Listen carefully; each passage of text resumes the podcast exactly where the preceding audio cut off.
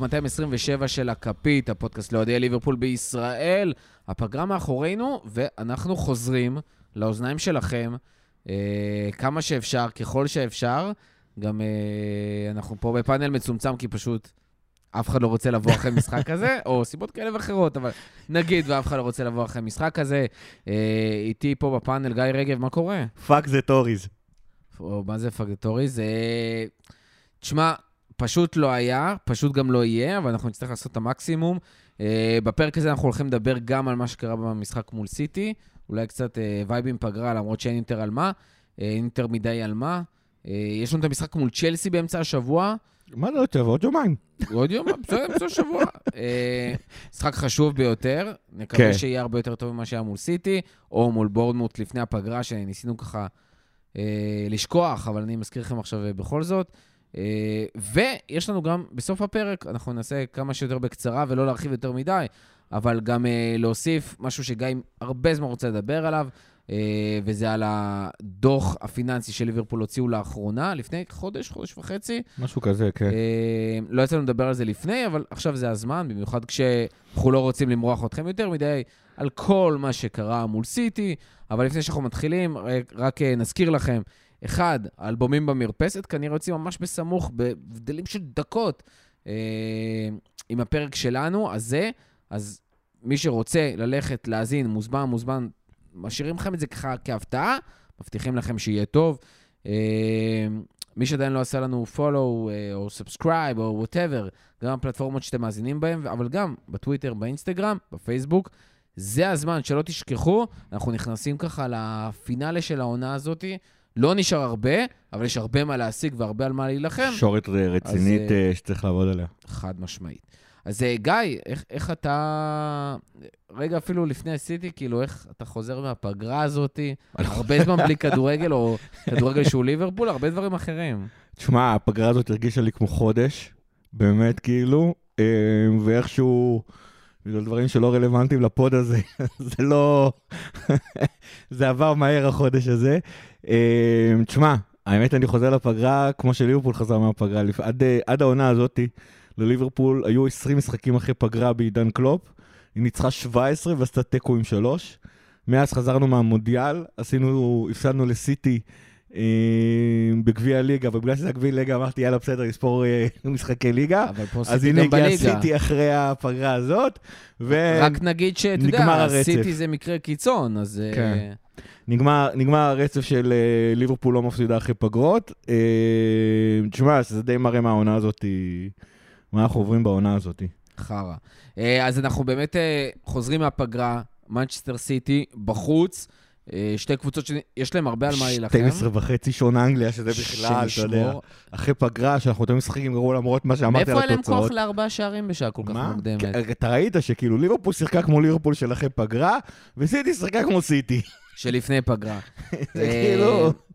סליחה, לא סתם ליברפול של אחרי פגרה ב-12 וחצי, וסיטי שיחקה כרגיל, כאילו לא היה... לא קרה וגם כלום. זה לא שהיה צריך להחזיר את הברזילאים במטוס מיוחד וכזה, כלום בפיתה, אפילו לא זימנו אותם.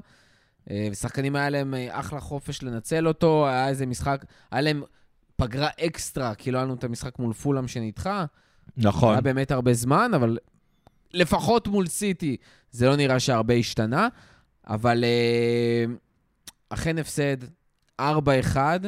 אה, שתי קבוצות שבאמת היה להם המון על מה להילחם, גם סיטי יש להם את הקרב אליפות, גם ליברפול על ה top 4, אבל זה פשוט, אנחנו תכף נדבר ונחלק, ויש לי כמה דברים לדבר ולשאול אותך עליהם, אבל לי כאילו זה בעיקר מרגיש ששתי הקבוצות רוצות, למרות שהרבה אנשים אומרים שאוהדי ליברפול, ששחקני ליברפול לא מספיק רוצים, אבל אה, כמו שאמרנו גם כמה פעמים במשך העונה, שחקני סיטי פשוט יכולים יותר ממה ששחקני ליברפול יכולים. כן, האמת היא שכאילו, אני חושב שאמרנו את זה אחרי ריאל מדריד, שכאילו ליברפול רצתה, היא פשוט כבר לא מסוגלת לעשות הרבה יותר. כאילו, במידה מסוימת המשחק הזה מאוד הזכיר את המשחק נגד ריאל מדריד, רק שמולנו עמדה הסיטי, שזה לא הקבוצה, זאת אומרת, ליברפול זה לא קבוצה, זאת אומרת, אחת הבעיות בכדורגל תמיד, זה שאם אתה קבוצה תחתית, אתה יודע שאתה קבוצה תחתית, אתה משחק בהתאם לזה שאתה קבוצה תחתית, ואז אתה הרבה פעמים נראה טוב מול הגדולות, ואתה מפתיע. אה, קבוצה שבארבע שנים האחרונות אה, ומהצד השני יש קבוצות כמו סיטי, שהן הקבוצות הכי טובות בעולם, בסדר? וכשהן משחקות כמו הקבוצות הכי טובות בעולם, זה נראה נהדר. ואני אשווה את זה דווקא לקבוצה שהולכת לקחת אליפות כנראה השנה, ארסנל, שבארבע, חמש עונות האחרונות הייתה קבוצה שאין מצב שהיא מסתכלת על עצמה כקבוצה תחתית, והיא לכן, היא משחקת בהתאם לאיך שהיא רואה את עצמה. ו- ואז כשהיא פוגשת קבוצות כמו סיטי או כמו ליברפול של... אה, או אפילו צ'לסי או- וטוטנאם, וכן. היא חוטפת בראש. ובמידה מסוימת זה מה שקורה כרגע לליברפול. אה, אנחנו במצב הזה, ש, שכאילו אתה דווקא אה, מול הגדולות, אתה נראה, זה, נרא, זה, נרא, זה פשוט זה לא נראה, זה לא כוחות לצערנו, זה, זה, זה מה שקורה כרגע, וככה זה הרגיש, האמת היא גם במחצית הראשונה, שעוד איכשהו הצלחנו לשרוד אותה אחד-אחד, זה לא הרגיש כאילו... זה שתי קבוצות באותו לבל, שבחמש עונות האחרונות נלחמו על אליפויות כל הזמן, זה, זה לא הרגיש ככה. אה, וזה מה לעשות, זאת אומרת, זה חלק מהבנייה של הליברקלופ אה, 2-0, זה חלק מה... אנחנו, זה פשוט חוזר על עצמו. זה חלק מהירידה של אה, פבינו והנדו, והעובדה, ש... וטיאגו שפצוע לנו. זה אותן סיבות שכולנו מכירים. ו- ו- וזה באסה, פשוט באסה. אני, אני באמת חייב לציין, אמרתי עניין שפשוט סיטי יכולים וליברפול לא יכולים. כשאני עברתי, גם ראיתי את המשחק בלייב וגם אחרי זה בתקציר, אחד הדברים הכי בולטים שהיו, שאולי הם מאוד מסמנים את ההבדלים בפערים, ואולי אפילו גם מדבררים את מה שקלופ אומר, זה שסיטי קבוצה הרבה יותר ממושמעת. אתה פשוט רואה, לא משנה איך הם משחקים, וצריך להגיד שסיטי לאורך העונה עוברת בין איזשהו שני סוגי מערכים, נכון. בין אה, 433 ל-3142 או 141 כזה, משהו, משהו מוזר. הכל פשוט מדויק. כאילו, אם גריליש ומאחרז היו במיקומים שלהם, ותכף נדבר על זה גם, אז כל פעם שהם מקבלים את הכדור, זה פיקס, והם תמיד במקום הנכון, הקשרים במקום הנכון, הבלמים במקום, במקום הנכון. אלוורז, שאני בעיניי פחדתי ממנו הרבה יותר מהלנד ב matchup הזה, יש בזה משהו. וזה הוכיח את עצמו במשחק, שהלנד זה אחד שאתה יכול לעשות לו man marking ויהיה לך יותר נוח לכאורה, ואלוורז זה אחד שאנחנו לא יודעים להתמודד איתו. אה, אני חושב שגם סבלנו מזה המון עם הסיפור כן, עם סטרלינג וז'סוס במשחקים קודמים. אתה פשוט לא יודע מאיפה הוא יבוא. נכון, אה, וזה דברים שקשה לנו מאוד להתמודד איתם. ופשוט מנגד, ליברפול, שיש לה מערך מאוד ברור, של 4-3-3, וזה לא משנה מי משחק ואיפה, ואנחנו גם כאוהדים כבר יודעים להגיד, אנחנו לא צריכים להיות אוהדים חכמים, או לא יודע מה, אנחנו יודעים איך ליברפול משחקת, לא משנה מה, וזה גם הייתה האג'נדה של קלופ תמיד. אבל אתה רואה שהשחקנים של ליברפול לא משחקים את הדרך הזאתי, וזה פשוט נראה, החוסר... אה, החוסר משמעת טקטית, ופה זה היה מאוד ניכר בארבעה שחקנים בעיניי, טרנט ורובו, ו... ואנדרסון ופביניו בעיקר, אני לא יודע אם להגיד אולי אליוט, אבל זה היה ממש ניכר, המיקומים הלא נכונים, ברמת השתי מטר לפה, שתי מטר לשם, וכל הזמן השיגו אותנו, כל הזמן הצליחו לעשות, גם בהגנה, אבל גם בהתקפה אפילו, ולא לא פלא שחטפנו ארבע חתיכות ככה מול סיטי. תשמע, אני נגיד למשל מסתכל, אני לא יודע כמה זה חוסר משמעת, ואני אקח לדוגמה את, ה... את השער השני. זה גם קצת מתחבר למה שאמרתי קודם, שליברפול זו קבוצה שקצת יודעת מה היא רוצה לעשות, אבל היא לא, היא כרגע פשוט לא מספיק טובה. כי בשער השני, אה, למרות הנגיחה האומללה של אה, פבינו לכיוון סאלח, ברגע שאיבדנו את הכדור, אתה ראית שם ריצות של שחקנים, אני יותר על החלק הקדמי כרגע, לא על מה שקרה ברביעייה האחורית, אתה ראית ריצות של שחקנים למקומות הנכונים. אתה ראית שם שבאיזשהו שלב, אה, זה היה נראה שסיטי לא תוכל להוציא מסירה, ואם היא תצליח, אה, היא לא תגיע ליד שלה, שהכדור סתם יעוף החוצה. וקרה פה כמה דברים. קודם כל, כל העונה הזאת, אני רואה לפעמים הרבה שחקנים של ליברפול שנמצאים במקומות הנכונים, אבל איכשהו, אנחנו לא מצליחים לחטוף כדורים. זה מחרפן אותי לגמרי, ואני מניח שכאילו הדמות הראשונה שעולה לכולם על הראש זה פבינו, שזה לא נראה פבינו שהיה קוצר שחקנים עד לפני שתי עונות, הוא פשוט אה, עוברים לידו שחקנים לפעמים שזה נראה לא הגיוני. אה, דבר שני, מה שכן קרה בשער השני, וזו היה אחד המג... השחקני ההגנה של אה, סיטי, אה, שוברים לנו את הלחץ, גם בגלל שאנחנו לא מצליחים לחטוף, אבל, אבל גם בגלל שאיכשהו, מה שהרביעייה האחורית אה, כנראה עומדת קצת בצורה לא נכונה, אותו, אותו שחקן הגנה של סיטי צריך לתת את הכדור לדברייני שם באגף, במצב שנראה כאילו, איך בכלל תעביר מסירה שם? זה נורא מזכיר את ליברפול של 17-18, שהקבוצות הטובות יותר היו מצליחות לשבור את הלחץ. אמ, וזה, וזה מה שקרה פה, ואז uh, ב-Match of the Day קצת תראו את הטריק הטקטי שפפ עשה, שגרם ללא מעט שחקנים, בעיקר להנדו, לא לדעת לאן הם צריכים לרוץ. Uh, וסיטי ניצלה את זה, וכמו שאמרת, המיקומים המושלמים של גרייליש ומאחז באגפים. Uh, תשמע, לא, לא, לא מול סיטי בעונה הזאת, זאת אומרת, אני דווקא הייתי מאוד אופטימי לקראת המשחק הזה, איכשהו הייתי ממש משוכנע שנוציא תיקו. אבל אה, זאת אומרת, זה לא נראה טוב הדברים האלה. זאת אומרת, זה, זה כאילו, סיטי שיחקה כל כך טוב, הייתה כל כך ממוקדת, גם ראית בשמחות של, אה, לא רק של פאפ, גם של השחקנים, איכשהו המשחק הזה ממש, היה חשוב להם המשחק הזה. זה, לי זה מאוד הרגיש שהם פשוט תכננו דברים. וזה גם הצליח. וזה בול קרה, נכון, כאילו, כן. וזה מאוד מתחבר לי לזה ש... לי, לי, אני ראיתי את, כאילו, את התקציר בעיקר, וראיתי את המיקומים. ואמרתי, משהו לא הגיוני לי. לא יכול להיות שגם קלופ לא עשה את ההתאמות לפני, וגם לא במחצית. נכון. שים לב שכאילו איך שקרה לנו, מה שקרה לנו מאוד דומה לריאל. שאיך שיצאנו למחצית השנייה, חטפנו בום, שני שערים בכלום זמן. נכון. המשחק שם נגמר, יצא, יצא כל האוויר מהמפרשים, קיבלנו אחרי זה גם את הרביעי. אבל uh, העניין הזה שהכי בלט לי, ברמת מה שסיטי עושים, זה כבר לא פעם ראשונה, פפ עולה שלושה בלמים מול ליברפול, כי הוא אומר, מה שאני צריך לעשות בבסיס, זה קודם כל לסגור את השלישייה ההתקפית. אני צריך שלושה בלמים, בעיקר השניים הצדדיים, שיסגרו לי את הווינגר השמאלי ואת הווינגר הימני. וברגע שאני סוגר אותם, הכל בסדר. במיוחד גם שהוא מבין שרובו וטרנט לא בעונה מדהימה, ובקישור יש לו באמת בסוף שלושה קשרים. אה, גם הקשר האחורי, שגם השתנה תוך כדי משחק, אה, אלא אם כן הם פתאום שחקו עם שתיים, וזה, היו כל מיני שינויים כאלה ואחרים. אבל אה, יש לו מספיק קשרים שם, וכמו שאמרת ב-Match of the Day, הראו איך יש ארבעה קשרים שעוטפים את הקישור שלנו, ואז לא יודעים כן. לאיפה ללחוץ, ומקדימה הוא לא צריך הרבה. הוא צריך שלושה שחקנים, שווינגר אחד שיקבל, ועוד שניים אה, ביחד עם קשר, שיטוסו לכיוון הרחבה. ברגע שהם יקבלו כדור, הכדור ייכנס, וזה בדיוק מה שהיה.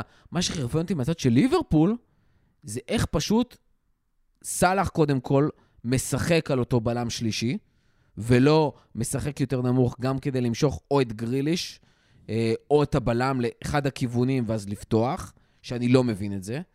איך טרנט, שאתה רואה שכל המשחק הוא על הווינגרים, ממשיך לשחק, דרך אגב, גם רובו, את השמירה האזורית המוזרה הזאת, כן. של אם אתם לא מספיק טובים, אתם לא מספיק מהירים, אתם לא מספיק חכמים, לפחות שמרו חכם את המגינים שלכם, את השחקנים שתוקפים אתכם. אני לא מבין את ההיגיון הזה. אה, ויחד עם זאת, לא הבנתי איך במחצית השנייה לא היה שינוי עם כל מה שקרה עם הקישור וגג פה.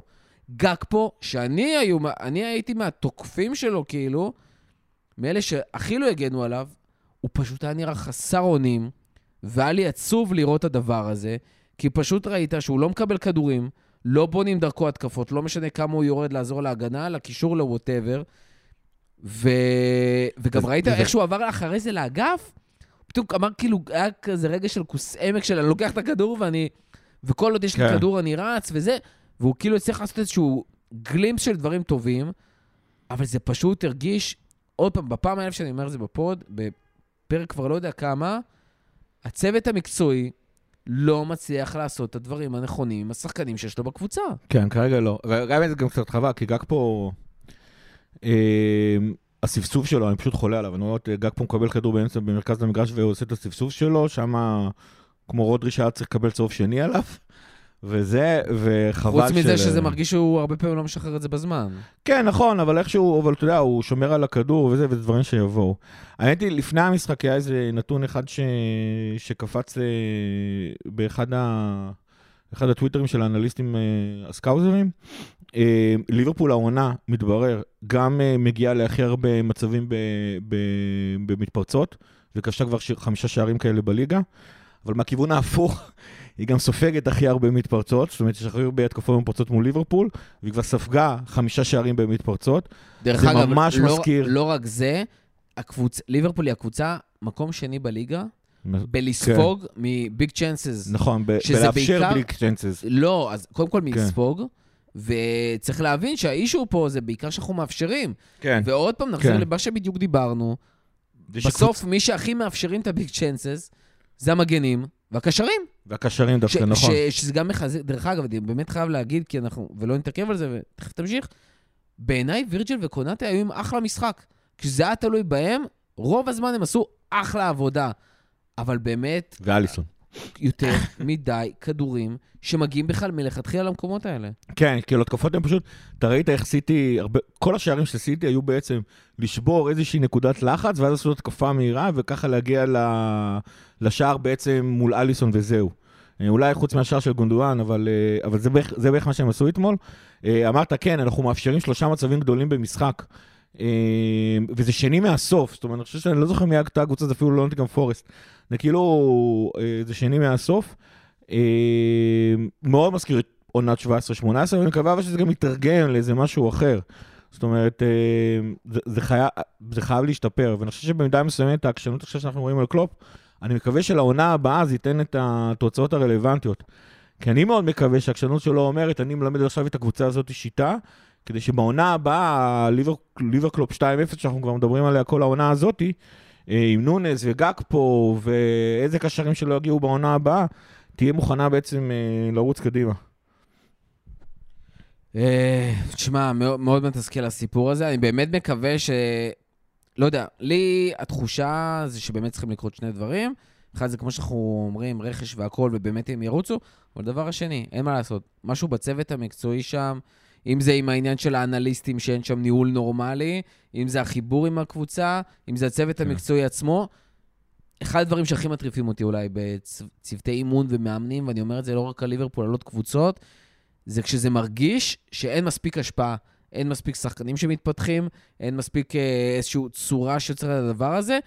יש גבול גם לנו פשוט כאוהדים, אני חושב שבאמת נטו ברמת תחושה, כמה אתה יכול להגיד, זה יקרה, זה יקרה, וכמה סבלני אתה יכול להיות. אה, יש פה פער ציפיות, אתה יודע, כשקלופ הגיע, אז כשחיכית ארבע שנים לתואר הראשון שלך, זה לא הפריע לך. עכשיו אתה כבר במקום אחר. עכשיו אתה מצפה שאתה תסיים מקום שני. עכשיו כאילו זה העובדה שיש עוד קבוצות חוץ מסיטי שמעליך, זה מחרפן לך את הצורה.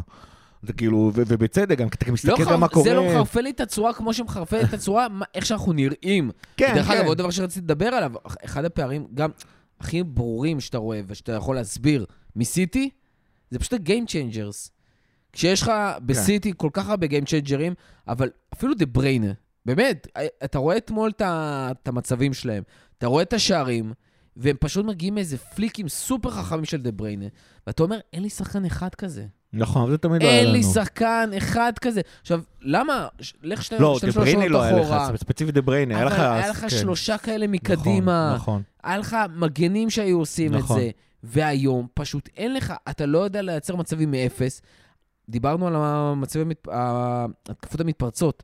אתה תלותי יותר מדי במתקפות מתפרצות, אתה עובד מאוד קשה בשביל הדבר הזה, ואתה אפילו לא יודע לנצל אותם מספיק טוב. נכון, אני חושב שכאילו במידה. מסוימת אה, מה שקורה שם זה שאין לך עוגן מאוד חזק בקבוצה, וזה קשרים, אגב, מהסוג של פביניו של פעם, קשרים מהסוג של הנדו שמסוגל להנהיג מתוך, ה, מתוך הקישור, גם אם זה לא הנ- הנהגה... אני מניח שהוא עדיין צועק על שחקנים ומכוון אותם, אבל אין לו את ה... וטכנית הוא אף פעם לא היה מנהיג טכני. leading by example, אתה יודע. כן, אבל זהו, אתה היית רואה אותו רץ, הוא כבר לא רץ כמו פעם. אם היה לך שם את, אה, את אה, ויינלדום, שהיה נותן לך את היציבות הזאת, שהיית יודע, תן את הכדור לוויינלדום, ולא לוחצים עלינו עכשיו איזה שתי דקות, כי, כי ויינלדום ישמור על הכדור, ולא יהיה פה עכשיו גלים גלים כמו שהיה אתמול. וזה מתחיל מזה, וטרנט, שהוא כישרוני ברמות, והרבה זמן תהינו אם יכול להיות קפטן, לא קפטן, אתה רואה שהעומס שיש עכשיו, לא הוא יכול להרים את הקבוצה. והאמת היא שזו שאלה מעניינת, כי ליברפול דיברנו המון המון שנים שהיא קבוצה של קפטנים, אתה לא רואה את זה כל כך השנה. נוניס, בוא נקרא, הכפרה עליו, אני חולה עליו, שהוא מביא המון כיף, ואתה יודע, מביא המון אה, fun למשחק, אז סבבה. הוא לא יהיה מנהיג. גאקפו, אגב, עושה רושם שיכול להיות מנהיג, אבל הוא כרגע מנהיג שקט כזה, אבל כרגע הוא עוד אה, צריך לתפוס מקום אה, בקבוצה. סאלח לא... סאלח, מה שנקרא, אני חושב שהעונה די מראה למה הוא תמיד היה קפטן מספר 6 בקבוצה ולא, ולא יותר מזה. אה, וזה לא, לא קורה כרגע, אין לך, אין לך בקישור ובהתקפה, אין לך שחקנים שבאמת יכולים להוביל, אה, להוביל את הקבוצה, כמו שנגיד פרמינו היה עושה, מאנה היה עושה. אה, את הקישור כבר דיברנו עליו, זה, כן, בסדר, נראה מה יהיה העונה הבאה. בואו בוא נדבר על המשחק משחק הבא. הקרוב? יש לנו את צ'לסי, שצריך להגיד שבכל עונה אחרת, זה אחד המשחקים הכי קשים שיש לנו. אה, כן, העונה דווקא שהוא בחוץ. זה דווקא כאילו צ'לסי נראית קטסטרופה. זהו, לשם שינוי. ארסנל אה, באנפילד? ארסנל באנפילד, ואני, אגב, אישית, אני, אני, שני המשחקים האלה עוד פעם. אחרי אתמול קצת פחות, אבל, אבל עוד פעם, את, מהמשחק של אתמול מול סיטי, אי אפשר לקחת את זה, אה, לקחת את זה ולהגיד וואי וואי וואי, המצב שלנו קטסטרופה, נגיד, המשחק מול בורמוס יותר מטריד אותי מאיך שאנחנו באים. אה, אבל ארסנל זה באנפילד, ואנחנו יודעים שבאנפילד אה, אנחנו יודעים לעשות קסמים, המשחק האחרון באנפילד, אתם זוכרים איך הוא נגמר. מצד שני זאת ארסנל. אני שוב אומר, ארסנל... ובעונה הזאת. נכון, אבל אה, כן, כן, אבל עדיין, אה, צ'לסי בחוץ, פשוט אני יותר בונה על צ'לסי מאשר עלינו.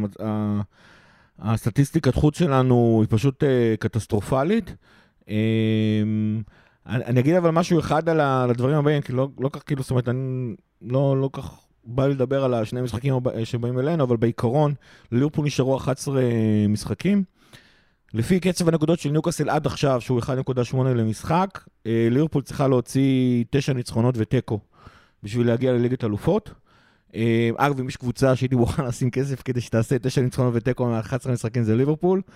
אה, ואף אחד לא יודע אם ניוקאסל תשמור על הקצב שלה, אז אפשר גם אה, לקוות, אבל, המשימה של הישורת האחרונה הזאת שדיברת עליה אחרי הפגרה הזאת היא פשוט אה, קשה. קשה ברמות, וזה 11 משחקים שחייבים באמת לתת את הכל. אה, אני מאוד מקווה שמצ'לסי וארסן אנחנו נצליח להוציא ניצחון אחד. אני חושב שזה אפשרי. באמת, לא הייתי לוקח את המשחק של אני, אתמול אני, אם, ולומד אם ממנו צריך משהו הייתי להמשך. מהמר על אה, צ'לסי, אה, לנצח את המשחק הזה. צריך להגיד, צ'לסי עוד פעם בתקופה לא טובה, יש שם שינויים, הם קצת משתפרים, אבל כאילו צעדים מאוד קטנים, צריך להגיד, מאוד דומה אלינו.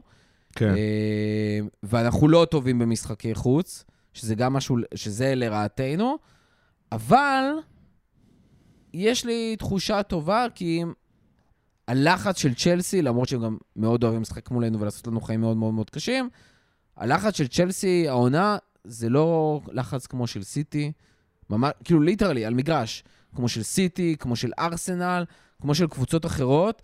אה, יש שם גם טיפה בעיית אופי, ששחקנים מאוד אה, מיואשים, כמו אצלנו, צריך להגיד, תקופה מאוד לא טובה, הם אפילו מתחתנו בטבלה, אה, קשה להם עוד לצאת, ואני חושב שהראש שלהם גם קצת בליגת אלופות, למרות אה, מפגש מאוד מאוד קשה מול ריאל מדריד, בחצי הגמר, אבל הם מאוד אה, נחושים וזה. אה, היה להם גם מפגשים לא רעים מולם שנה שעברה, למרות שריאל עברו אותם. ואני חושב שזה כאילו המשחק שעכשיו צריך להתרכז ולהגיד, אפשר לעשות אותו, זה גם לשבור את הנאחס של החוץ. המצ'אפ לא כזה רע בכלל. דיאז צריך להיות על הספסל במשחק הזה. נוני זה היה בספסל, יש מצב שהוא יפתח. כן, יכול מאוד להיות שהוא יפתח וזה יעשה לנו אה, טוב. ז'וטה מרגיש שלאט לאט הוא חוזר לעצמו, אה, ויכול להיות שגם אה, לעלות מהספסל יעשה לו יותר טוב מלפתוח. תיאגו כבר חזר לאימונים? לא, וזה אוקיי. מאוד מבאס. אמרו בזמנו עד ארבעה שבועות, כבר עבר איזה... כבר עברו כמעט ארבע, ארבע חודשיים. שבועות. ולא ברור מה קורה שם. מאוד עצוב, דרך אגב, הסיפור עם בייצטיץ', שזה כאילו מרגיש כן. כאילו אם הוא היה משחק אתמול זה היה כן. הרבה יותר טוב, וזה fucking כולה... בייצטיץ', כפרה עליו. אה, אבל צריך להגיד, שוב, צ'לסי בתקופה לא טובה למרות כל הרכש וזה, מודריק עשה לנו חיים מאוד קשים במשחק הקודם, הוא לא משחק טוב. אה, הוא לא מצליח להביא שם את המספרים, ובכלל, פליקס עושה שם אה, חיל, ויהיה מאוד לא פשוט לשחק מולו. אברס נכנס לעניינים, זה הרבה עבודה על הבלמים שלנו, אבל אה, אני חושב שאני באמת רוצה להגיד, אמרתי את זה בתחילת העונה, אמרתי את זה גם שנה שעברה. זה היה מאוד מובהק לי שנה שעברה. אם אנחנו לא מצליחים, כשאנחנו לא מצליחים לייצר משחק התקפי טוב, להחזיק בכדור, להניח חכם, לשלוח כדורים חכמים, אנחנו מבזבזים המון המון אנרגיה ואנחנו נדפקים. וזה קרה לנו המון העונה, זה קרה לנו המון העונה שעברה למרות ההצלחות, אה, וככה היה סימן לבאות. והשאלה אם אנחנו נצליח לשנות את זה. פשוט להיות יותר מפוקסים, וזה באמת לא עניין של כדורגל, זה עניין של ביטחון ועניין של מנטרה, להיות יותר מפוקסים, כדורים יותר חכמים קדימה, יותר רגועים, וזה, דרך אגב, זה הרגיש ככה אצל סיטי אתמול. שלחצנו כן. אותם, לחצנו אותם, רצנו, ניסינו להיות פיזיים, הכל טוב. לא, גם גם המתפרצת שמיני הגיעה השער, וגם אה, המתפרצת ששלחו. את סאלח וגרילי שחסמנו את המסירה לג'וטה, היו מסירות ממש טובות. השער הגיע ממסירה נהדרת של טרנט, השער השני הגיע, מ... אה, לא השער השני, ההזדמנות השנייה הגיעה ממסירה נהדרת של אליוט, עוד פעם על אוטומט, כמו שאנחנו אוהבים לראות את ליברפול, שעל אוטומט הם יודעים לשלוח דרך אגב, אני רוצה שאליוט יעשה את מה שהוא עושה, פשוט פי שלוש יותר במשחק. כן. תעיז יותר, תנסה יותר, הוא כבר לא בועט בכלל, הוא מפחד לבעוט. אה, כשהוא מתקרב לרחבה הוא גם בקושי מרים. do it! זה מה שאתה אמור לעשות, ילד, כפרה עליך. do it. אה, וזה מרגיש שפביניו ואנדו גם יכולים לעשות את זה. פשוט יש משחקים שהם כאילו מפחדים. קחו מול צ'לסי קצת יותר ביטחון, תרשו לעצמכם, תעשו את זה, תעיזו, חייבים לנצח את המשחק הזה. פרה פרה נגיע לארסנל ולשאר המשחקים אחרי זה. אה, ודרך אגב, אני חייב להגיד שאני כאילו קצת יותר אופטימי ממך, כי אני לא מסתכל על הקצב נקודות של ניוקאסל, ואני גם, ברור לי שכולם ובלחץ, וכל קבוצה בליגה עכשיו חייבת לנצח בדרך כזאת או אחרת, מסיבות כאלה ואחרות. בערך איזה עשר קבוצות נלחמות על אה, לא לרדת, אז... אה, כן, יהיה קשה. יהיה קשה, אבל קשה לכולן. לא, ברור, ברור. קשה לכולן. ברור. אני שוב אומר, אגב, בעונת הקורונה שהייתה קטסטרופלית, אה, זה בתכלס מה שעשינו בעשרה המשחקים האחרונים, עשינו שמונה ניצחונות ושני תיקו, אז כאילו, זה משהו שליברפול מסוגלת לעשות מצד אחד. הדבר שהכי מבאס בעונה הזאת, זה שבעונת הקורונה התחלנו כאילו ממש ממש טוב, ואז הגיעו, הגיע המשחק המקולל נגד אברטון, ו... לקח עוד איזה חודש ליברפול תבין מה, מה אברטון, מה, מה הפציעות עשו לנו, ואז הייתה הידרדרות, אבל היה איזה בסיס ממש חזק לי, לי, להתבסס עליו, זאת אומרת, הייתה איזושהי צבירת נקודות בתחילת העונה, שהיה מה, מה להתבסס עליו, העונה אין לנו את זה. וזה גם העונה הזאת, מבחינת נקודות, אה, מזכירה יותר את העונה שקלופ רק הגיע, אה, והחליף את רוג'רס, אה, ולא, ולא כמו בעונת הקורונה. אני מקווה שהוא יצליח. הסיבה הכי טובה לאופטימיות זה שלפחות השישי, השלישייה הקדמית, אז היא כל השישייה שיכולה לשחק שם חזרה לכושר. אתה הזכרת את זה שאנחנו צריכים כדורים חכמים קדימה, הבעיה היא שבקישור, אה, יש לנו עדיין בדיוק את אותם שלושה שחקנים כשירים לשחק, אה, ושני, ושניים שלושה שחקנים שאף אחד לא רוצה לראות על המגרש, וכאילו, אה, זה קצת, זה, זה, זה קצת בעייתי. מבחינת פיזור משחקים, הכל סבבה, נשארו לנו בעצם שישה סופי שבוע, משהו כזה. ועוד איזה שניים, אה, שני משחקים אה, באמצע השבוע. אז זה יהיה בסדר. טוב, אה, בואו נדבר, הבטחנו לאנשים בתחילת הפרק שאנחנו נגיע לחלק הפיננסי, אז אנחנו נעשה זאת עכשיו. אני רק אגיד לפני שאנחנו, מה שאנחנו בעצם עושים עוד פעם, אנחנו, גיא עבר על הדוח הפיננסי שליברפול הוציאה. תקשיב, כל פעם שהוא יוצא אני מרגיש כאילו יש לי יום הולדת, באמת. תשמע, כל אחד, אתה את זה. ופתאום אני מוצא את עצמי יום שלם, שכל מה שאני עושה זה לקרוא במספרים, וכן. אז פעם קודמת דיברנו על הדוח של דלויט, שסקר את אה, כל ההכנסות של כל הקבוצות הגדולות באירופה. פה אנחנו מדברים באופן, אה, במיקרו. על ליברפול בלבד. ממש רואים איך ליברפול לקחה את כל ההכנסות שפורסמו כבר בדלויט, ואיך היא בעצם ניצלה אותן, שזה הרבה יותר... אה, אני קצת, קצת אה, נכנס לפרטים שם, איך ליברפול מנהל את הכסף שלה. אז, אז בוא נתחיל איזושהי שורה תחתונה. קודם כל ליברפול, כמו שראינו אה, לפי דלויט, מקום שבע באירופ, באירופה. כן, ליברפול שומרת על המקום השביעי שלה באירופה, או איך שאני אוהב לקרוא לו, המקום החמישי שלה באירופה, שזה אחרי... אם אה, שמים את סיטי ופריז בצד. אם שמים את אבו דאבי וקטר בצד, כן. Uh, שזה אחרי, uh, בסדר הזה אגב, ריאל מדריד, ברצלונה, מצ'סטר יונייטד וביירן מינכן. אה, אחד הדברים הכי יפים שקרו בכל התקופה הזאת של FSG, זה שכש-FSG הגיעו, אנחנו היינו עושים אה, פחות כסף מארסנל, אה, ומאוד קרוב למה שטוטנאם הייתה עושה. צריך אני... להגיד, כמועדון, בלי כסף של בעלים. כן, כן.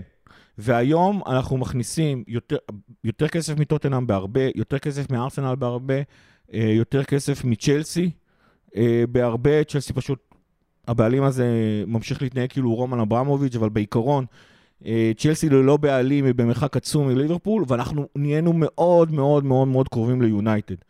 זאת אומרת, היכולת הכלכלית של ליברפול אה, אה, היא כרגע בשורה הראשונה של, אה, של, אה, של אירופה. יש פער, יש פער מריאל מדריד ו, וברצלונה, אבל אה, מבחינת היכולות האלה אנחנו במקום טוב. כאשר לצערנו יש את הקללה הזאת שנקראת אה, אבו דאבי וקטר, והן אה, חיות בעולם פיננסי אחר לגמרי, ללא חוקים וללא מגבלות. אז בואו בוא נדבר באמת על העלייה הזאת בהכנסות של המועדון, ואנחנו אומרים, בעיקר ההכנסות הסולידיות שאתה קורא להן? כן, אז אני אסביר למה אנחנו מתכוון. אני, בדרך כלל כשמדברים על דוחות פיננסיים משווים עונה אחורה. אבל העונה הקודמת uh, הייתה בעייתית כי מאוד מאוד הושפעה מהקורונה, אז אנחנו לא נסתכל אחורה, אנחנו נסתכל על עונה 18-19 כמדד להשוואה למה שקרה, אה, משתי סיבות. 18-19 הייתה העונה האחרונה שלפני הקורונה, והעונה שאנחנו מדברים עליה, אגב, זו לא העונה הנוכחית הכספית של העונה שמשוחקת כרגע, אנחנו מדברים על העונה של 21-22, הייתה בעצם העונה הראשונה שהקורונה כבר לא השפיעה עליה, זה דבר אחד. אה, דבר שני, שתי העונות מאוד מאוד מאוד דומות מבחינת ההצלחה למגרש, ולהצלחה למגרש יש המון השפעה על, ה, על, ה, על ההכנסות של קבוצות. אה, גם ב-18-19 שזכינו באליפות, וגם ב-21-22 הגענו לגמר ליגת האלופות. ההבדל בין אה, שני הדברים האלה זה כולה 5 מיליון פאונד, אז זה לא נורא. אה, ולכן נשווה לשם, אז בואו בוא נדבר מה קרה. אז קודם כל, בעונה שעברה, ליברפול הכניסה 594 מיליון פאונד. זה ימבה. השיא הקודם היה באמת 18-19, שהיה 533 מיליון פאונד. וזה שיא חדש, וליברפול מתקרבת ל-600 מיליון פאונד, שזה מה שיונייטד בדרך כלל עושה בכל עונה. אה, כמו שאמרת, הזכרת את המילה סולידי, הבעיה ב... בהכנסות של קבוצות, כשאתה רוצה להבין מה, איך הקבוצה מתקדמת קדימה או לא, זה שזה ליגת אלופות, שזה נהדר, במיוחד כשאתה זוכה בה, אה, מאוד משפיעה על הכנסות של קבוצה. זאת אומרת, קשה להבין מה היכולת הכלכלית של קבוצה כשאתה בעונה שקבוצה מצליחה בליגת אלופות, כי ליגת אלופות מביאה איתה המון המון כסף. אם אנחנו מסתכלים על עונה שאתה מגיע לשמינית גמר ליגת אלופות, שלצורך העניין, וסיימת מקום רביעי ב- בליגה. אה, בעצם ליברפול אה, בעונה כזאת מכניסה, שאני לא אטעה, 527 מיליון פאונד. אה, שתבינו בעצם, בעצם ההגעה לגמר נתנה לליברפול עוד 60 מיליון פאונד, בין אם זה בכרטיסים או בכספים מחוזי הטלוויזיה של ליגת אלופות. זאת אומרת, כשליברפול מתכננת את, ה, את העונה שלה, היא מתכננת את זה לפי הכנסות של 527 מיליון פאונד. זה, זה מה שקורה, וגם ככה, זה שם אותנו במקום השביעי באירופה, שהמרחק מיונייטד הוא בעצם 50 אה, מיליון פאונד. זה כבר נשמע לא, ה... לא נחמד. אה, מצד שני, תזכרו שהגלייזרים לוקחים מיונייטד 30 מיליון פאונד כל עונה, זאת אומרת, הפער שלנו בעצם הוא 20, אה, ולכן ליברפול מצליחה להתמודד עם הדבר הזה.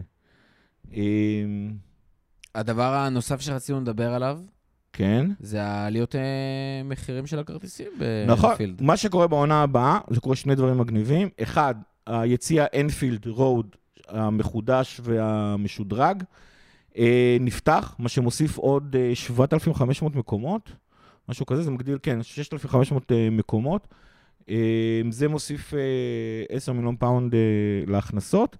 אה, ודבר שני שקורה זה מעלים את מחירי הכרטיסים אחרי שמונה עונות. אה, מעלים אותם ב-2%, אה, וזה הוסיף הכנסות... שצריך להגיד, אחוז מאוד קטן, הזמן. עלייה קטנה, כן, כן. לא כזאת משמעותית בסוף לקוני הכרטיסים. ואחרי הרבה מאוד שנים, וביחד עם האינפלציה, זה משהו שהוא לגיטימי לחלוטין. זה משהו לגיטימי לחלוטין, זה משהו כאילו, עוד פעם, שמונה עונות לא העלו את המחירים של הכרטיסים, אתה צריך לזכור, לא מעלים את המחירים של כרטיסי הנוער, ולא מעלים אה, אה, מחירים של כרטיסים, אני לא יודע אם יצא לכם אי פעם, אבל סקאוזרים שמגיעים אה, אחרי השריקה, ש... אחרי השריקה של, של המשחק, יכולים לקנות כרטיס ב-9 פאונד. אה, זה כרטיסים שבעלי מנויים החזירו אותם, אמרו, אני לא יכול להגיע, ואז מוכרים אותם חזרה לציבור. אה, אז אם אתם סקאוזרים, ו- והגעתם אה, בדיוק לשריקה, אז אתם יכולים לקנות כרטיסים 9 פאונד, גם את זה לא מעלים את המחירים שלו.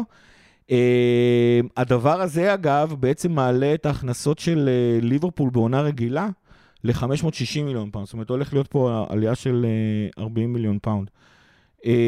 הזכרנו את ה-60 מיליון פאונד, ההבדל בין אה, 18-19 לעכשיו.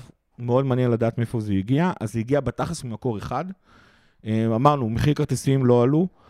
חוזי הטלוויזיה, גם של הפרמייר ליג וגם של ליגת אלופות, בתכלס לא ייצרו יותר כסף לקבוצות.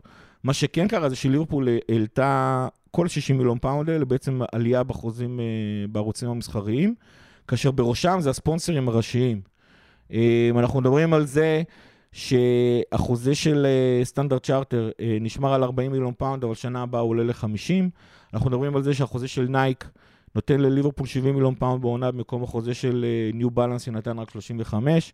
אנחנו מדברים על החוזה של השרוול של האקספדיה, שעונה הבאה עולה ל-20.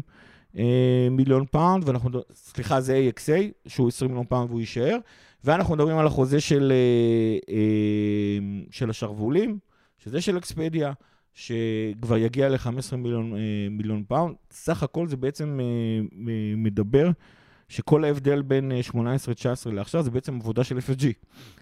איך שלא תסובבו את זה. דיברנו על הכנסות, בואו נדבר רגע על ההוצאות שאנחנו רואים בדוח. נכון, אז כמה דברים. ההוצאה הכי גדולה במה שליברפול עושה זה בעצם השכר. אנחנו מדברים על שכר של שאני לא אטעה, 368 מיליון פאונד בעונה. זה גם כן, זה המון, זה המון. לפני, אה, ב-18-19 אנחנו מדברים על, על עלות שכר של 325 מיליון פאונד. רוב העלייה, זה, כנראה קשור גם להצלחות בסופו של דבר. אנחנו מדברים על זה שעדיין חוזי השכר בליברפול הם אה, מאוד מאוד תלויי בונוס, ובגלל שב-21-22 הגענו לגמר, אז אני מניח שלא מעט שחקנים אה, ראו את הדבר הזה. חשוב להגיד, אמ, שהעונה, אנחנו מן הסתם נראה ירידה, כי ליברפול לא כך מצליחה על המגרש מצד אחד. מצד שני, העלייה הזאת עדיין לא כוללת את עליית השכר של סאלח. אנחנו מדברים פה על איזה משהו חדש שליברפול לא ראתה. אז מעניין לראות איך אה, יהיה את הדבר הזה. מבחינת אה, דברים אחרים שליברפול אה, עשתה עם הכסף, אז היא בעצם עשתה רכש. ההשקעה נטו בשחקנים הגיעה ל-65 מיליון פאונד. אמ, וכיוון שכנראה לא הצליחו להביא את כל השחקנים שרצו, אז גם החזרנו חובות לבנקים ב-40 מיליון פאונד, וככה בסוף, בסוף, בסוף, בכל מה שקורה, אה, ליברפול במהלך העונה שעברה אה, איבדה 18 מיליון פאונד של מזומנים, אה, וזהו. אני מניח שלעונה הבאה אנחנו כבר נראה, עוד פעם, מאוד מעניין באיזה מקום ליברפול תראה, מבחינת שמינית גמר אנחנו הצלחנו להגיע, זאת אומרת, אנחנו כן כנראה נגיע ל-530 מיליון פאונד בעונה שאנחנו מדברים. הבעיה החמורה זה מה יהיה בעונה הבאה, כי ליגת אלופות... אז, אה... אז בואו נדבר שנייה על... אה, יש פה שני דברים מאוד חשובים לדבר עליהם, בקונטקסט שמאוד חשוב לאנשים, וזה רכש בקיץ.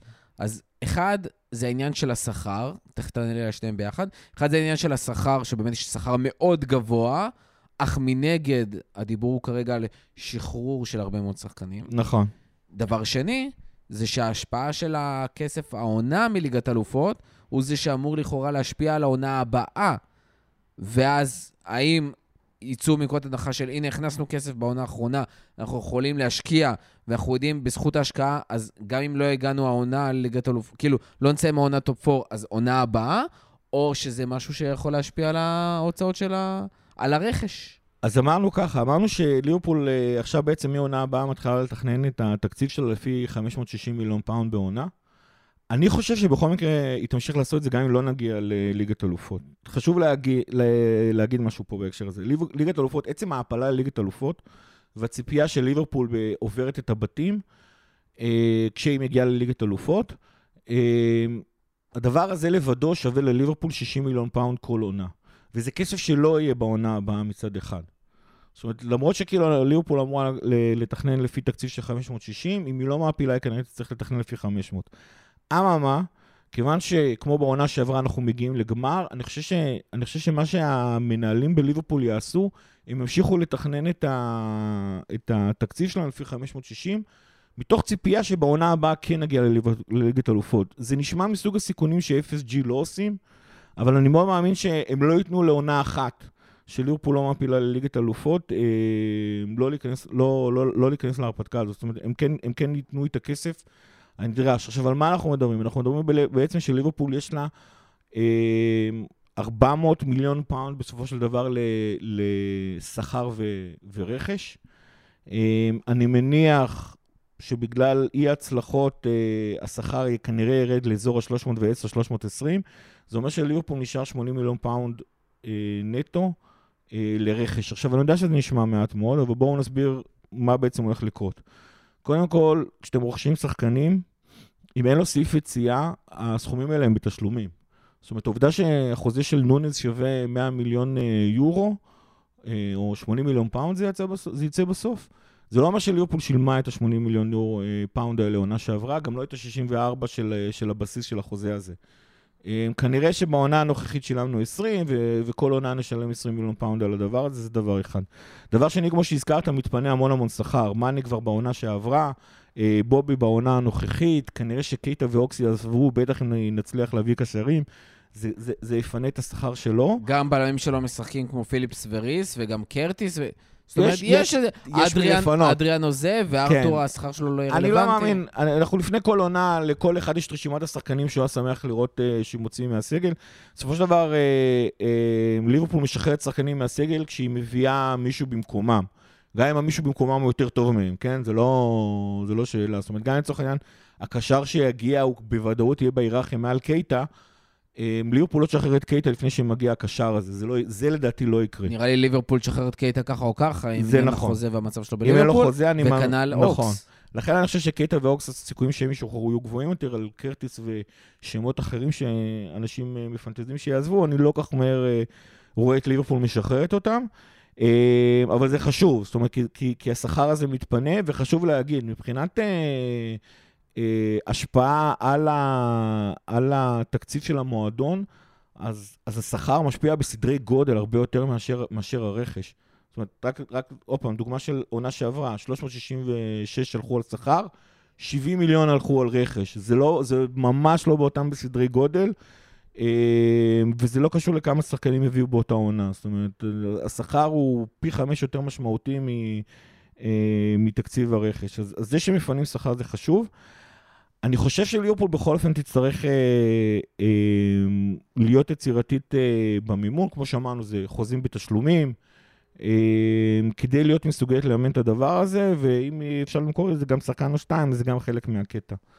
אה, בגדול. אני, אני, רק דבר אחד אחרון, אה, בגלל שאנחנו מדברים כבר על הרכש והכל, והיו על זה המון דיבורים, והיה איזה ציוץ היום בטוויטר שפשוט מאוד התפתח לעניין, ג'וד, לא ג'וד, כמה ביצים בסל אה, אחד. אני חושב שיש איזושהי טענה רווחת על בסיס דברים שקרו בעבר, אבל שהיא מאוד לא מבוססת ומאוד קל לנו ליפול לתוך התובנה הזאתי.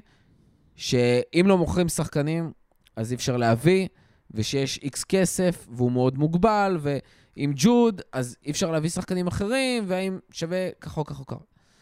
זה הרבה דברים בתיאוריה, אבל אני חושב שאחד הדברים הכי משמעותיים פה, שלא באמת הוכח שאי אפשר להביא עכשיו שלושה-ארבעה שחקנים. באמת אני אומר.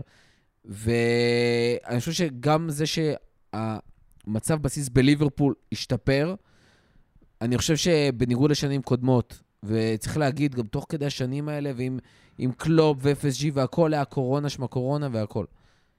אם בסיטואציה הזאת שההכנסות עלו, ויש פחות עניין של חוסר ודאות, ויש באמת רצון להתפתח, ויש נקודה מאוד ספציפית, שבה רוצים להביא שחקנים מאוד ספציפיים, ויודעים שספציפית פה בקישור צריך לחזק, ויש גם שחקנים שרוצים מאוד להביא, זה אחרת. אני חושב שגם העניין שאנחנו רואים ערימה מטורפת של שמות, של קשרים, שרוצים להביא לליברפול, זה משהו שלא היה לפני. ברמה, זה לא היה ברמה כזאתי, וגם הדיבורים של קלופ, על זה שהם עובדים ועובדים ועובדים על להביא רכש בקיץ, זה לא משהו שהיה לפני. וזה שקלופ אומר, אנחנו עובדים עכשיו מאוד חזק, כדי שכבר ביוני, תחילת יולי, כן, יהיו יש- שחקנים כן. סגורים, זה משהו שלא היה לפני. אז כל הדברים האלה לא היו. וקשה מאוד אה, להיתפס על דברים שהיו בעבר, כשהסיטואציה היום בהווה והעתיד הקרוב היא מאוד שונה. עכשיו, צריך להגיד, יש פה כוכבית. יכול להיות שלא נסיים בטופ 4. אממה, כשאתה עובד באמת כהשקעה, ואני חושב ש-FSG לא סתומים, אני חושב שהם מאוד מבינים גם את הסיטואציה בתוך הליגה כרגע, ומול התחרות, ואיך הם יכולים להתקדם, שום דבר לא ישתנה בהשקעה של הבעלים. הבעלים לא ישימו כסף משלהם, מעולם גם לא מעולם. שמו.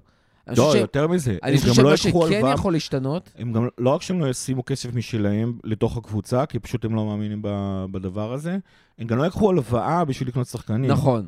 זאת אומרת, חשוב להבין, המימון של, של, של הרכש הזה ושל השכר שלהם, נזכיר עוד פעם, של השכר שלהם, חייב לבוא מההכנסות של המועדון. חייב להיות תקציב שכר, אה, התקציב של השכר, אני מניח שהוא כבר מוגדר, ו, ויפנו אותו כדי להביא שחקנים אה, במקום. והעובדה של ליברפול היא קבוצה רווחית, צריך להבין, היא מייצרת, אה, בעונה שעברה ליברפול הכניסה מהפעילות כדורגל שלהם, אחרי השכר, לפני שוק ההעברות, ליברפול הכניסה 100 מיליון פאונד בעונה שעברה. וחשוב להבין את זה, זאת אומרת, רק, רק, רק מזה שכאילו, אחרי שהיה את ההכנסות, שילמנו שכר לשחקנים, ליברפול הרוויחה 100 מיליון פאונד. פשוט בזבזה אותו על נכון. רכש, ובזבזה אותו על, על, על החזר הלוואות לבנקים. אבל, אבל, זאת אומרת, זאת אומרת, אם תיקח את ה, בעצם את ה-100 מיליון פאונד האלה, ותוסיף אותו למה שנצליח לקבל ממכירה של שחקנים, זה בעצם מה שילך בשביל להביא שחקנים חדשים.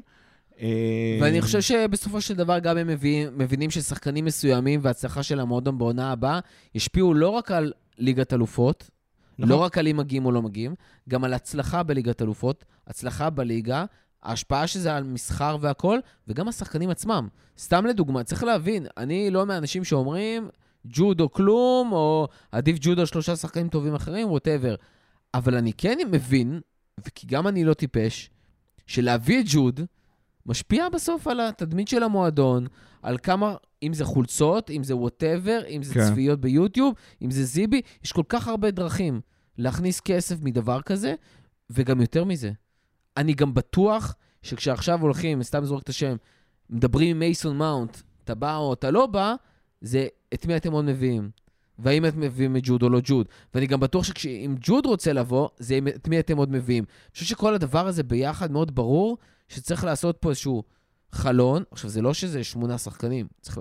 באמת, באמת מאמין ששלושה שחקנים, מה שנקרא, בכסף, בלי למכור אף שחקן משמעותי אחר, מפציץ אותנו. בלם, אני נתתי את השם של אנדיקה כבר עוד לפני אה, שיצאו הפרסומים. שפרמינו לפני כמה חודשים. לא. לא, לא, גם, לא, לא נכון. שכחנו את זה בכלל. אה, יש מצב טוב שגומז או מטיפ הולכים, יגיע שם בלם, אם הוא מגיע בחינם, אז זה בכלל שם בוסט מטורף. אה, והיה המון דיבורים על זה שאולי ג'וטה יימכר בשביל שחקן התקפה נוסף. יש את הדרכים, וזה עדיין לא איזה מהפך מטורף. זה כולה איזה חמישה שחקנים בלחץ שיגיעו בקיץ הזה. זה אפשרי, ובאתי להגיד דבר אחד אחרון. אני לא אופתע אם העונה הזאת הם יבואו ויגידו, בגלל הסיטואציה המאוד ספציפית הזאת והטיימינג, גם לסיים את העונה הבאה, כאילו, מה שנקרא, ב- בהפסד. באיזשהו הפסד, שזה משהו שליברפול לא עשתה. עם זאת, זה גם לא כזה נורא. אה, כן. וזה משהו שהם יודעים שיכולים לא, לעשות 18 מיליון. פאונד הפסד זה... וצריך לזכור, כמו שאמרת, תשלומים והכל וזה, זה לא כזה מנותק. זה לא שיש קופה עם איקס כסף, וזה מה שאפשר להוציא, וזה במזומן. זה לא עובד ככה. יש גם את הטריקים החשבונאיים, והכל יהיה בסדר. כן, לגבי... אה, קודם כל רק נגיד ש-18 מיליון פאונד הפסד לליברפול אה, זה לא הרבה כסף בכלל, כי פשוט גם מתקזז עם עונות שכן מכניסים כסף מה... מהדברים האלה, זה, זה, זה, לא משנה. אגב, צריך גם לזכור שחלק מהסיבות שהפסדנו את המזומן הזה, זה כי התעקשנו להחזיר לבנקים 40 מיליון פאונד, אם היינו מדברים איתם על uh, מימון מחודש או גלגול הלוואה, אז לא היה את ההפסד הזה. זאת אומרת, זו הייתה החלטה של ליברפול uh, לאבד את המזומנים האלה. Uh, לגבי שחקן אחד, אני חושב. אני חושב שאם נסתכל על מה שקרה בעונה, בתחילת העונה הזאתי, שכאילו היה לנו שם אחד שרצינו להביא, שזה צ'ומני, וכשלא הבאנו אותו, בעצם לא הבאנו אף אחד במקום. אני חושב שבמידה מסוימת, אה, ואני אגיד שזו הייתה ההרגשה שלי בתחילת העונה, אני, אני בתחילת העונה, ואתה יודע את זה, לא הייתי כזה לחוץ מלהביא קשרים, כי, כי הסתכלתי על אה, פבינו, תיאגו, הנדו, ואמרתי, וואלה, מגניב, ויש המון אה, שחקנים מחליפים, גם טובים יותר, טובים פחות, זה לא- זה לא, כרגע לא השאלה. שמונה וחצי שחקנים שיכולים לשחק בקישור, אני מבסוט. אני חושב ש... כי, כי ספציפית גם אני לא דמיינתי שפבינו והנדו ירדו בכושר שלהם עד כדי כך. אני חושב שמה שקורה עכשיו, וזה אתה הזכרת את איך, ש, איך שקלופ מדבר במסיבות העיתונאים, שאנחנו עובדים על שחקנים, שנה זה לא יקרה. זאת אומרת, זה לא שאם לא נצליח להביא את ג'ול, ושהוא כנראה באמת העדיפות הראשונה שלנו, אה, לא יגיע אף אחד אה, במקומו. לגבי כמות שחקנים, אני לא מאמין שיגיעו יותר משלושה. זאת אומרת, זה, זה, זה ליברפול אה, של FSG, בטח כשקלופ הגיע, היא כבר לא עושה את ה... את החלונות האלה שמביאים עשרה שחקנים ומוכרים עשרה שחקנים כמו בתקופת בניטז. אה, זה, אני, אני פשוט לא רואה שהוא, אני פשוט חושב שהוא יביא שלושה שחקנים שהוא רוצה. זה נשמע שמאונט יהיה אחד מהם, כי זה ממש, אה, אה, לא יודע, כאילו, הצליל של השמועות הוא כזה, שמאונט יהיה כזה. זאת אומרת, אין, אין לי מושג באמת מה קורה, אבל, זה, אבל לשמועות שמתגשמות ולשמועות שלא מתגשמות, יש צלילים אחרים ברשתות הח- החברתיות, וזה נשמע שמאונט כן יגיע, הש... ו- וזה נשמע שגם מכינים מחליף, שם חילופי למקרה שג'וד לא יגיע, ואחד השמות שעולים זה רייס, דקלן רייס מ- תקשיב, מווסטהאם. באמת, עלו כל אה, כך הרבה נכון, נכון, שמות. אבל- דרך אגב, זה, זה חלק מהדברים שאני חושב שאולי לא לוקחים בחשבון. בעיניי, נגיד, כשאני רואה את השמועות על רייס, שהן לא כאלה מנותקות, אבל הן לא כאלה, מה שנקרא, קרובות להיות אה, סופר, אתה יודע, נכונות וקורות וזה, אם רייס יגיע, אני לא רואה מצב שפביניו נשאר. זאת אומרת, חלק מהקונספט הזה של להביא את רייס, לא, למה? זה גם אם הוא עולה שתי 70 קשרים וגם. אם הוא עולה אה, עם בגלל 100, ב- בגלל אז יהיה לך? בייצטיץ'. אבל כאילו אתה מבין שפביניו זה עכשיו Mm. סיטואציה של אם תביא מישהו כמו רייס, אז אתה תעיף את פביניו. אתה אומר שרייס... וזה מתקזז, גם בשכר וגם אתה אומר במכירה. שאם רייס מגיע זה בייסטיץ' והוא לא קשור לכל סיפור אה, בלינגהם ומאט. זה מעניין, לדעתי כן. זה מעניין. בסופו של דבר גם השאלה איך אתה מייצר לעצמך מי השלושה קשרים הראשונים ומי המחליף של כל אחד וכזה. לדעתי האישו שם זה באמת, אה, אתה יודע, אה, אין מצב בחיים, באמת, בחיים. הפנטזיה הכי מטורפת בעולם אולי, שמה שנקרא רייס, מאונט וג'וד יגיעו ביחד, אבל הקונספט של הדבר הזה, זה אומר שאם, אתה יודע, אה, רייס מגיע, פביניו הולך, מאונט מגיע, כי תיאגו בשנתיים הקרובות לא יהיה פה, מה שנקרא, תוך שנה-שנתיים הוא כן, לא פה, כן. ו... ועל התקן הזה הוא הולך להיות, וג'וד, מה שנקרא, חייבים להחליף את אנדו. זאת אומרת, כקונספט כללי. כן. עכשיו, רייס לא יגיע מישהו אחר, אם זה מישהו אחר בחצי מהמחיר של רייס, אז אה, יכול להיות שפביניו יישאר, ועונה אחרי זה הוא ילך, כל מיני קונסטלציות כאלה. אבל הכל מאוד תלוי באיזה שחקן ירצה להגיע, מה השכר שהוא רוצה, האם זה הגיוני ויהיו מוכנים למכור אותו במחיר שהוא איכשהו סביר, ומה אנחנו נצטרך לעשות בשביל לעשות את זה. כן. כל עכשיו- שחקן זה באמת תלות אחרת לחלוטין. עכשיו, לגבי ירצה, ירצה להגיע, אני יודע שבארץ אנחנו בדרך כלל עובדים עם ה-up and downs מאוד מהר. קבוצה לא מאבדת את העילה שלה בגלל עונה אחת שהיא לא מגיעה לליגת אלופות. זאת אומרת, אני זוכר את, אה, את אה, שנות ה-80, סליחה, שנות ה-90 של ליברפול. בתכלס ליברפול יכלה להביא איזה שחקן שהיא רוצה, פשוט רוי אבנס וג'רארד אויה התעקשו לא להביא את השחקנים שהיא צריכה. אה, אבל לא, לא, זאת אומרת, גם, גם ב-99, שזה היה כבר תשע עונות אחרי, אחרי האליפות האחרונה, השחקנים של ליברפול פנתה אליהם, הרגישו את הרצון הזה לבוא לליברפול, ובטח אה, כשיש לך את קלופ בסביבה, אני חושב שבאמת, אני חושב שספציפית אולי ג'וד בלינגהם, אני מדבר מבחינת הקליבר שלו, לא ספציפית מה ג'וד בלינגהם עצמו, ספציפית ג'וד בלינגהם יגיד. הוא אולי יגיד, שמע, אני בתעופה למעלה, אני לא רוצה לקחת את הסיכון אה, של עונה שהיא איננה בליגת אלופות. אבל אני חושב שלמעט שחקנים כאלה, באמת, כשליברפול תפנה לשחקנים, הם פשוט ירצו לבוא. הם ירצו לבוא כי זה ליברפול, וזה ליברפול של החמש העונות האחרונות, וזה קלופ, והיא מסוגלת לשלם את השכר ש, שהם רוצים, אמנם בבונוסים, אה, אבל, אנחנו רואים את זה, זאת אומרת, אנחנו דיברנו על, ה, על התקציב השכר של ליברפול שהגיע ל-370 מיליון פאונד, צריכים להבין, זה מקום שלישי באירופה. אה, בערך אה, רק אה, אה, ריאל מדריד ו- וסיטי ופריס סן ג'רמן שילמו יותר מאיתנו בעונה שעברה. אז נכון, זה היה תלוי בונוסים. אבל שחקנים יודעים שאם הם יגיעו ו- והם יממשו את ההצלחה, אז, אז, אז, אז זה יקרה. ובגלל עונה אחת שלא נמצא בליגת אלופות, אני לא מאמין ששחקנים אה, יסרבו להגיע לליברפול. ואני שוב, האמת היא כבר פעם חמישית העונה שרותם ואני עושים את זה, בעיקר אני, אה, להזכיר את הדיבורים על השכר של סאלח בתחילת העונה.